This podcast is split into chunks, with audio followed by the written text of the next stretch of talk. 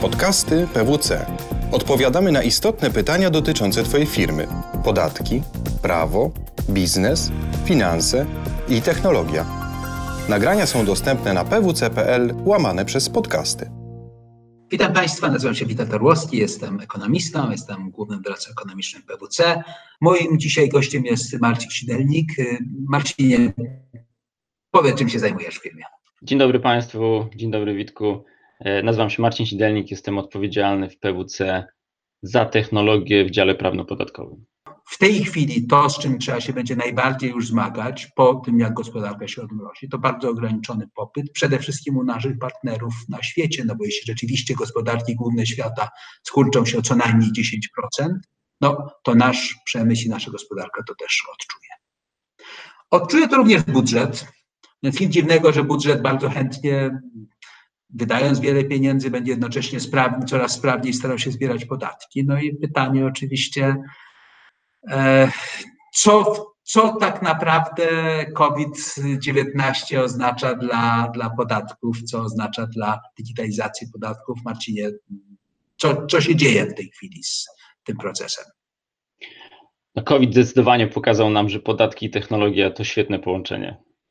E, przede wszystkim widzimy ogromny wzrost apetytu na bieżącą informację na temat podatków i sytuacji podatkowej firm.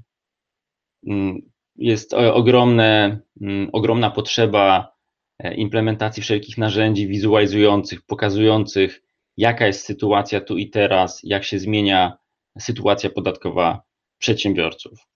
Nikt już sobie nie wyobraża właściwie generowania informacji podatkowych, deklaracji podatkowych, plików JPK bez technologii, y, y, bez jakiejkolwiek automatyzacji. Także tego widzimy bardzo dużo, będziemy widzieli coraz więcej. Jest ogromny nacisk na y, efektywność i optymalizację kosztów, która dzięki automatyzacji staje się możliwa. Ten lockdown pokazał nam, że potrafimy pracować zdalnie, ale tylko wtedy, kiedy mamy przygotowane procesy, kiedy mamy narzędzia, no i przede wszystkim mamy ten proces wystandaryzowany. Mamy zdefiniowane role.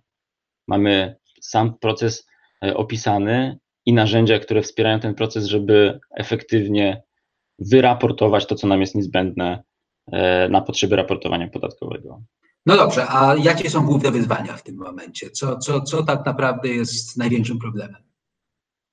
No największym problemem jest oczywiście czas, którego, którego zawsze jest mało wprowadzając y, różnego, różnego rodzaju rozwiązania, no ten czas, y, który dotyka wielu systemów, wielu narzędzi, no jest potrzebny, żeby je właściwie zaimplementować.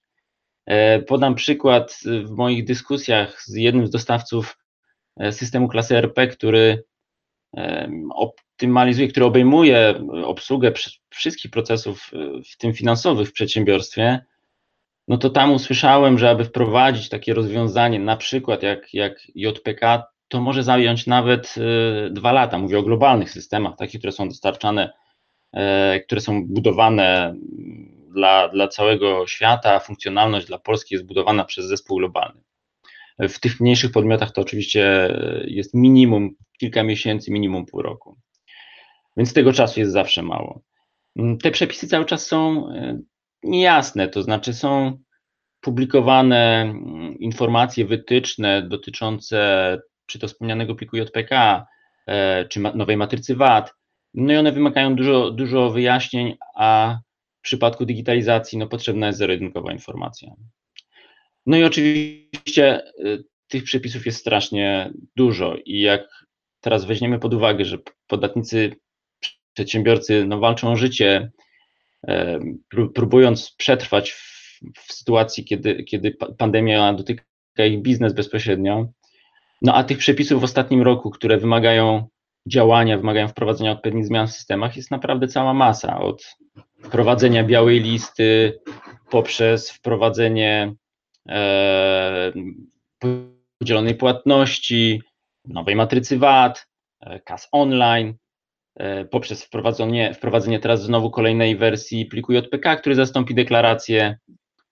To wszystko powoduje, że podatnicy naprawdę no, poświęcają i muszą poświęcić bardzo dużo czasu, dodatkowego czasu na wprowadzenie tych zmian. E, no i to jest, to jest zasadniczy kłopot, bo w przypadku projektów informatycznych ten czas potrzebny na, na, na wprowadzenie musi być odpowiednio wcześnie zaplanowany. No i żeby zbudować dobre narzędzie, e, musi być ta jasność, e, czas i tych przepisów nie może być naraz wprowadzone aż tak dużo.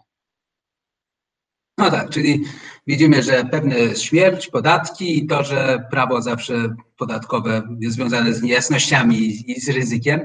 E, ale mówiąc zupełnie serio, e, no rzeczywiście od, od, od lat mówiliśmy i pomagaliśmy firmom w digitalizacji podatków. No widać teraz, że to jest rzecz, która jest, to jest trend, który po prostu jest absolutnie niezbędny.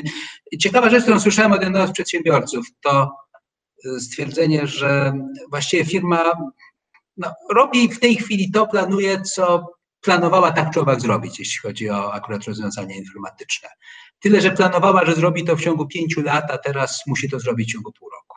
No to troszeczkę daje do myślenia, jeśli chodzi o to, co ten kryzys oznacza. On z jednej strony oczywiście oznacza problemy dla nas wszystkich, ale z drugiej strony no, wymusza pewne zmiany, które tak czy owak musiałyby nastąpić. Także popatrzmy też na ten kryzys jako na no, szansę na to, żeby przyspieszyć modernizację, digitalizację e, wielu, wielu części działalności i, i starajmy się, aby z niego wyniknęły również rzeczy dobre na przyszłość. E, dziękuję Ci bardzo, Marcinie. Dziękuję Państwu bardzo. Podobał Ci się odcinek?